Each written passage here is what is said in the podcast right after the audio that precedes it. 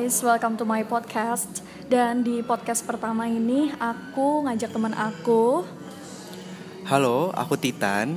Nah, di kesempatan kali ini aku pengen bahas dan ngobrol-ngobrol tentang sexual orientation di lingkungan kampus khususnya Universitas Gajah Mada. Dan mungkin buat teman-teman sendiri tanya-nanya sebenarnya sexual orientation tuh apa? Mungkin Titan mau jelasin atau apa yang jelasin? Uh, buat aku social orientation itu bagaimana kita punya Seksual. uh, apa namanya rasa untuk kita salurkan kepada orang lain.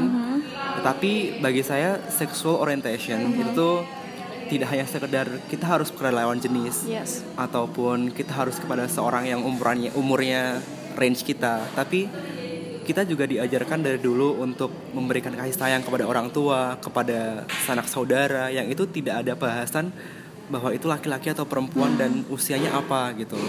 Tapi kenapa saat ini kita disalahkan ketika kita mencintai orang lain yang berbeda daripada kita? Ya.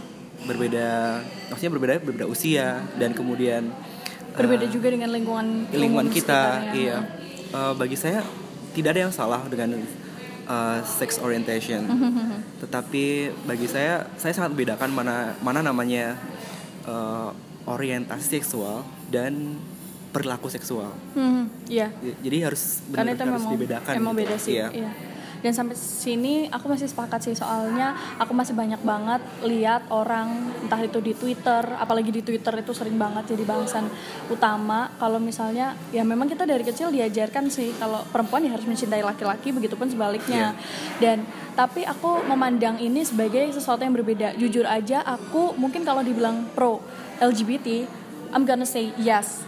I do. Soalnya apa? Aku punya banyak teman yang mungkin punya sexual orientation yang berbeda dan mereka tuh sangat-sangat seru untuk diajak ngobrol. Mereka bukan orang yang tertutup dan mungkin ya mereka terbuka dengan eh, yang menurut mereka dipercaya sih.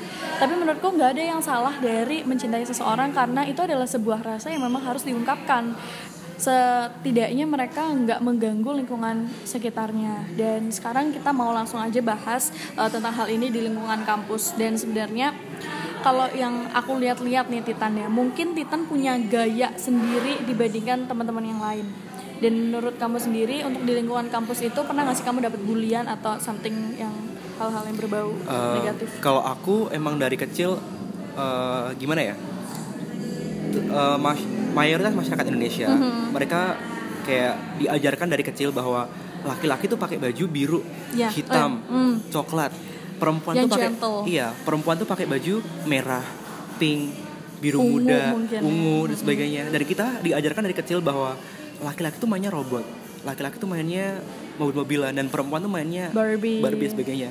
Padahal itu tidak tidak ada dalam konsep bahwa laki-laki harus main itu dan perempuan harus main itu gitu. Tapi saya sangat-sangat bersyukur ketika dari kecil saya diajarkan bahwa eh, saya boleh mainan apa pun yang saya mau. Mm, mm, Ketika saya mau beli Barbie, saya beli Barbie. Ketika saya pengen mainan mobil-mobilan, ya saya main mobil-mobilan Iya. gitu.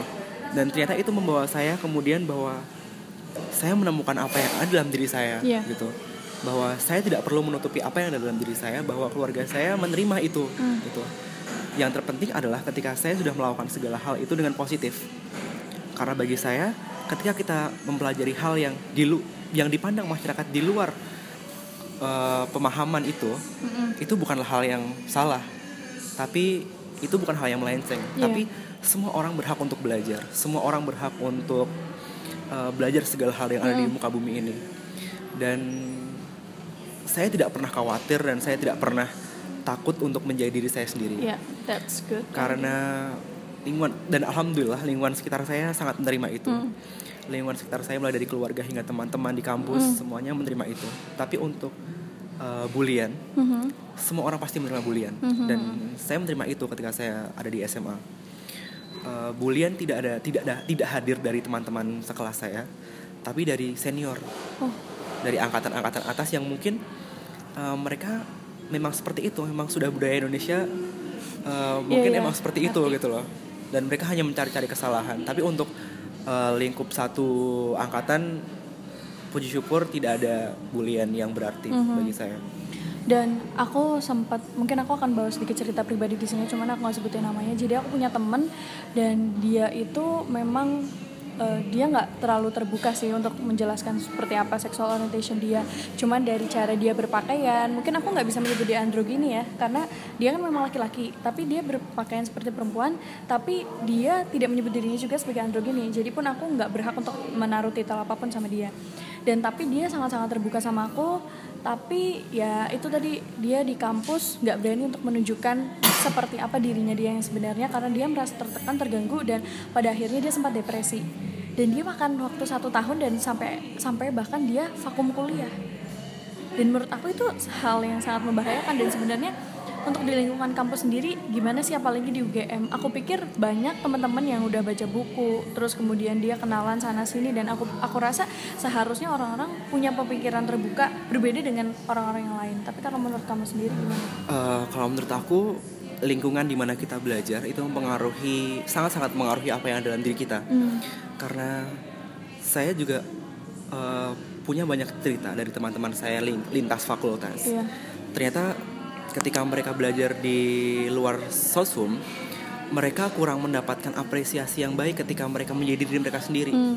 jadi uh, mungkin karena kita belajar mengenai sosial dan kita belajar mengenai manusia dan hmm. sebagainya menjadikan kita uh, paham bahwa setiap orang tidak bisa disamakan betul betul bahwa setiap orang tidak bisa kamu harus A harus B harus C tapi dari apa yang saya dapatkan cerita teman-teman saya um, di luar fakultas uh, sosio humaniora mm -hmm. mereka masih harus punya jalur yang sesuai dengan sosial masyarakat Indonesia sepenuhnya gitu dan tadi membahas mengenai titel hmm. saya sebenarnya tidak sangat-sangat bukan sangat-sangat sih tapi kurang suka dengan titel bahwa oh kamu androgini ya hmm. oh kamu seorang ayah oh kamu gini bahwa titel itu tidak bisa diberikan kepada orang lain gitu loh ketika mereka harus berdandan A atau mereka harus melakukan B itu tidak bisa diberikan titel itu gitu loh karena setiap orang punya cara mereka sendiri yeah. gitu loh. That's why aku nggak pernah merasa berhak untuk memberikan dia titel apa pun yeah. karena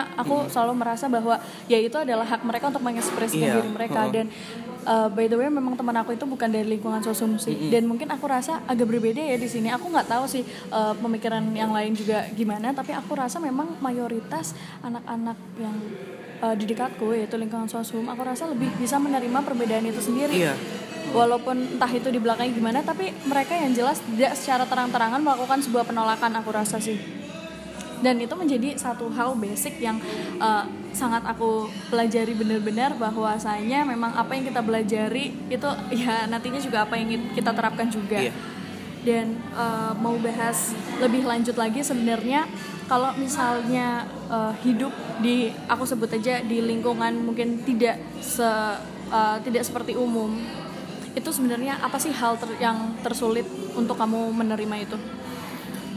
Uh, seperti mayoritas atau minoritas gitu ya, hmm. atau gimana? Ya kayak gitu semacamnya. Misalnya nih uh, teman-teman aku misalnya pada naik motor, sedangkan aku naik mobil sendiri dan itu bagaimana kita deal with it dengan perbedaan yang itu dan bagaimana kita mengiyakan situasi yang demikian.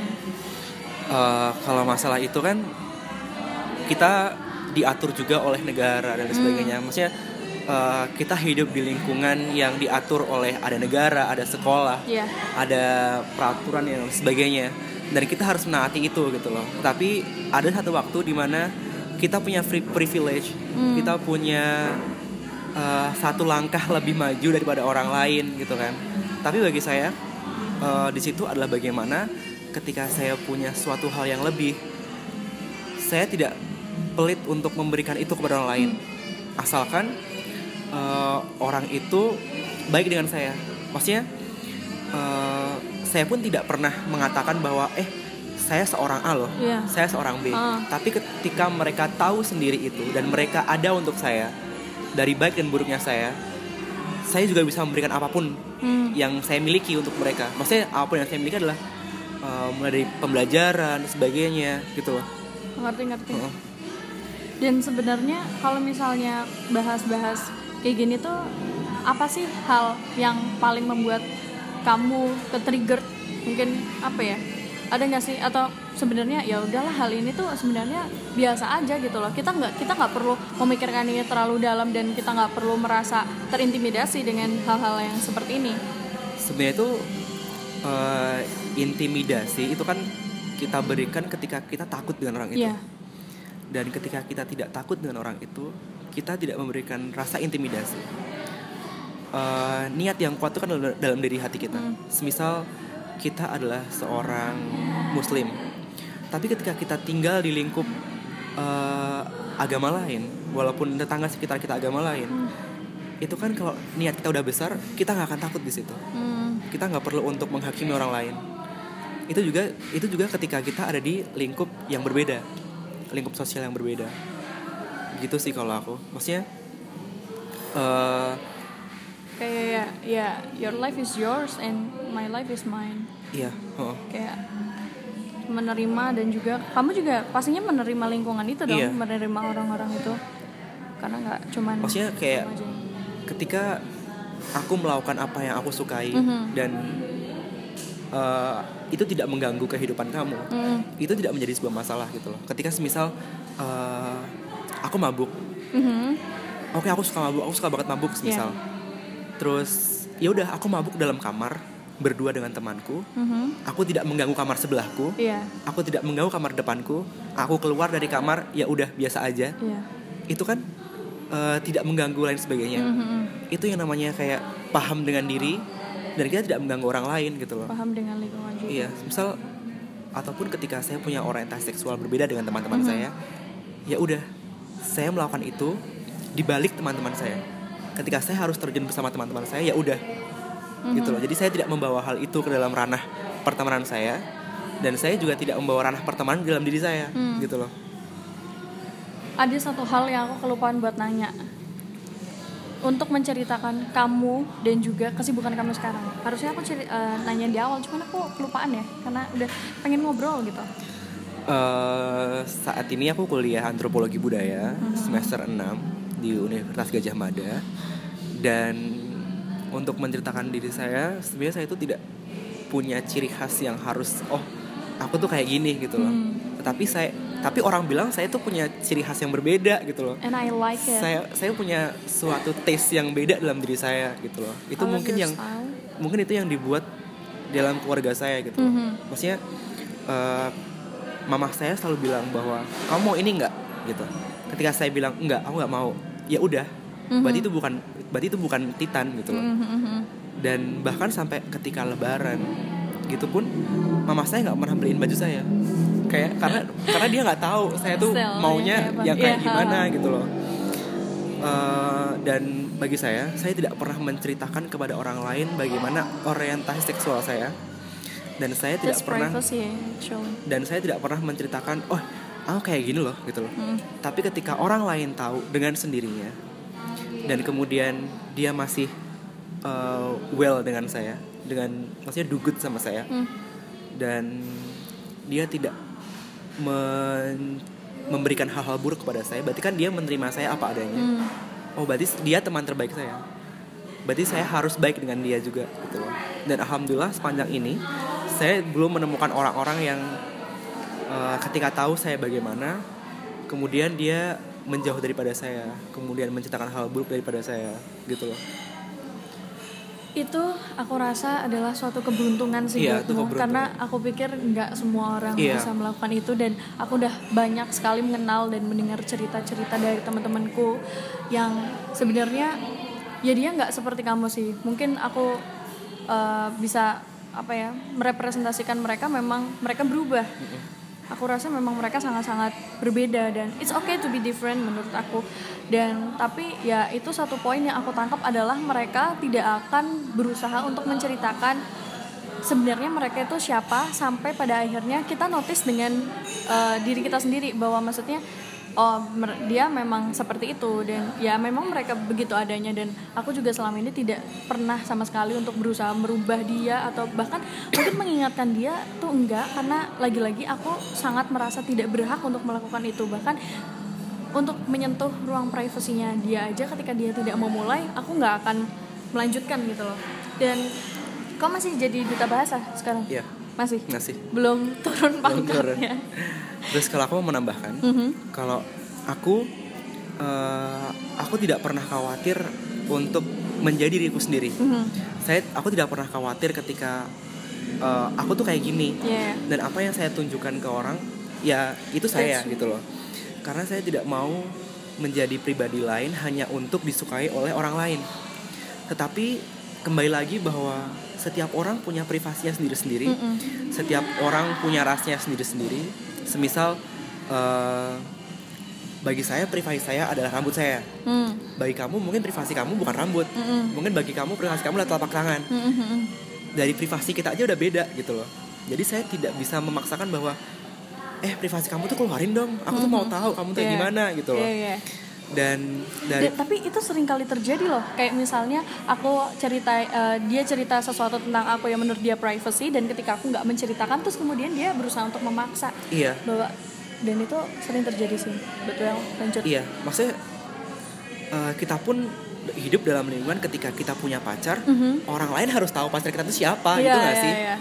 publication Kayak- iya, ya. kayak kita tanyain pacar kamu siapa sekarang? Gitu adalah eh siapa sih kayak masih ini gak sih gitu terus gitu ntar kalau misalnya kita udah update sekali dua kali terus kita nggak pernah update lagi eh lo udah putus Iya, ya itu sering banget terjadi itu, itu masalah kita gitu loh itu privasi kita see, gitu loh. maksudnya eh, ketika aku pacaran mau aku publish Mhm. itu hak saya Hmm. ketika nggak mau aku publish ya itu berarti itu privasi dalam diri saya gitu Hmm. dan itu ketika misal eh, aku tanya sama kamu Hmm. kamu sekarang pacarnya siapa sih itu adalah pertanyaan yang awal doang ketika kamu tanya adalah ya udah berarti itu privasinya dia nggak iya, usah karena kayak dia nggak mau oh menceritakan." kamu masih sama ini ya iya dulu?" gitu itu berarti Iya, kita iya. kayak memaksa orang lain untuk mengeluarkan privasinya Iya, gitu iya. relate sih Iya. Karena kita nggak pernah tahu privasi orang itu sejauh apa. Mhm. Jadi ketika kita menanyakan suatu hal yang merujuk pada privasi dan kemudian orang itu tidak mau mengatakan, ya udah selesai gitu loh. Kita ganti ke topik lain Iya. gitu loh. Bahkan eh, dalam diriku pun aku punya sahabat beberapa. Mhm. Itu pun ketika aku cerita dan ketika mereka cerita itu nggak harus cerita ke banyak orang. Hmm. Maksudnya nggak harus cerita ke semua orang itu. Iya, Misal kayak- aku nyamannya sama si A, ya udah aku cerita sama si A. Hmm. Si A nyaman cerita ke si B, ya udah cerita ke si B. Nggak harus cerita ke aku dan aku juga tidak berhak apa-apa untuk dapat cerita itu gitu loh. Itu bener sih dan itu aku rasa sangat-sangat relate sama kehidupan Iya. kita sekarang. Dan aku pengen banget bahas itu mungkin nanti di next podcast. Dan kamu tau nggak ini udah nggak berasa banget kita udah ngobrol agak lama. Dan kayaknya uh, podcastnya harus aku tutup sampai sini. Dan aku pengen kamu kasih closing statement tentang semua yang kita bahas tadi tentang sexual orientation terus gimana kita deal with it. Apalagi uh, especially itu untuk di lingkungan di kampus sih. Eh, kita hidup di dalam sebuah lingkungan di mana eh, ada banyak peraturan, mulai dari peraturan sosial, peraturan kampus, dan peraturan negara. Tetapi ketika kita melakukan sesuatu hal tidak menyalahi aturan sosial, tidak menyalahi aturan publik, bahkan aturan negara, itu tidak menjadi sebuah kesalahan. Dan setiap orang memiliki ciri khas yang berbeda-beda. Setiap orang punya rasa yang berbeda-beda. Dan kita tidak berhak untuk memberikan pelabelan, pelabelan. Dan jangan pernah takut untuk menjadi diri sendiri. Tapi yang terpenting adalah menjadi diri sendiri dan melakukan segala hal positif. Dan membedakan mana yang namanya orientasi seksual dan apa tadi namanya? Aku lupa sih apa orientasi seksual dan perilaku sek- seksual. Karena bagi saya yang bisa dikatakan salah di sini adalah perilaku seksual.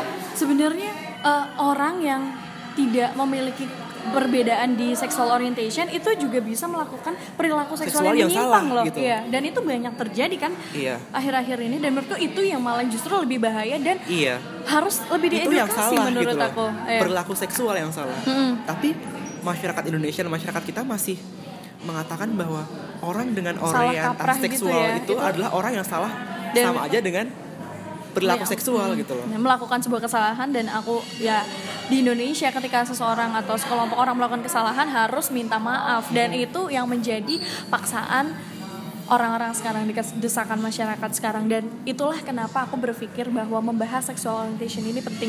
Dan aku rasa aku akan mulai ini di lingkungan kampus dulu. Dan mungkin aku juga akan bantu melalui podcast ini supaya bisa dipublish. Dan juga semoga aku pengennya orang-orang juga bisa dengar Iya. tentang hal-hal yang menurut kok ini adalah hal yang sangat basic loh Iya.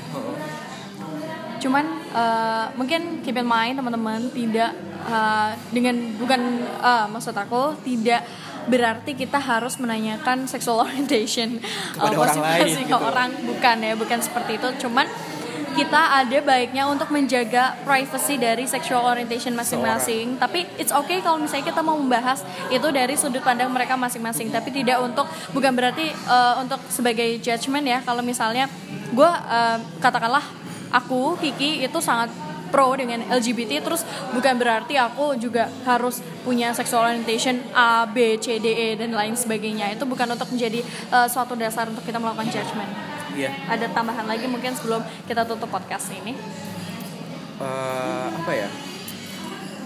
Ketika orang lain bisa mengeluarkan orientasi seksual mereka kepada publik ataupun memberikan identitas mereka, berarti mereka sudah melebihi batas yang luar biasa.